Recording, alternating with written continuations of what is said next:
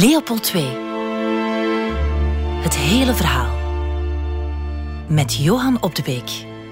Hij ziet er wat magertjes uit, uh, is wat kaler geworden en heeft vooral een lange baard laten groeien. En dat stoort Leopold I mateloos, want baarden, dat is in die tijd verboden in het leger. En als de toekomstige opperbevelhebber nu zelf een lange baard draagt, waar moet het dan naartoe met de wereld, Leopold I? Vraagt het zich af.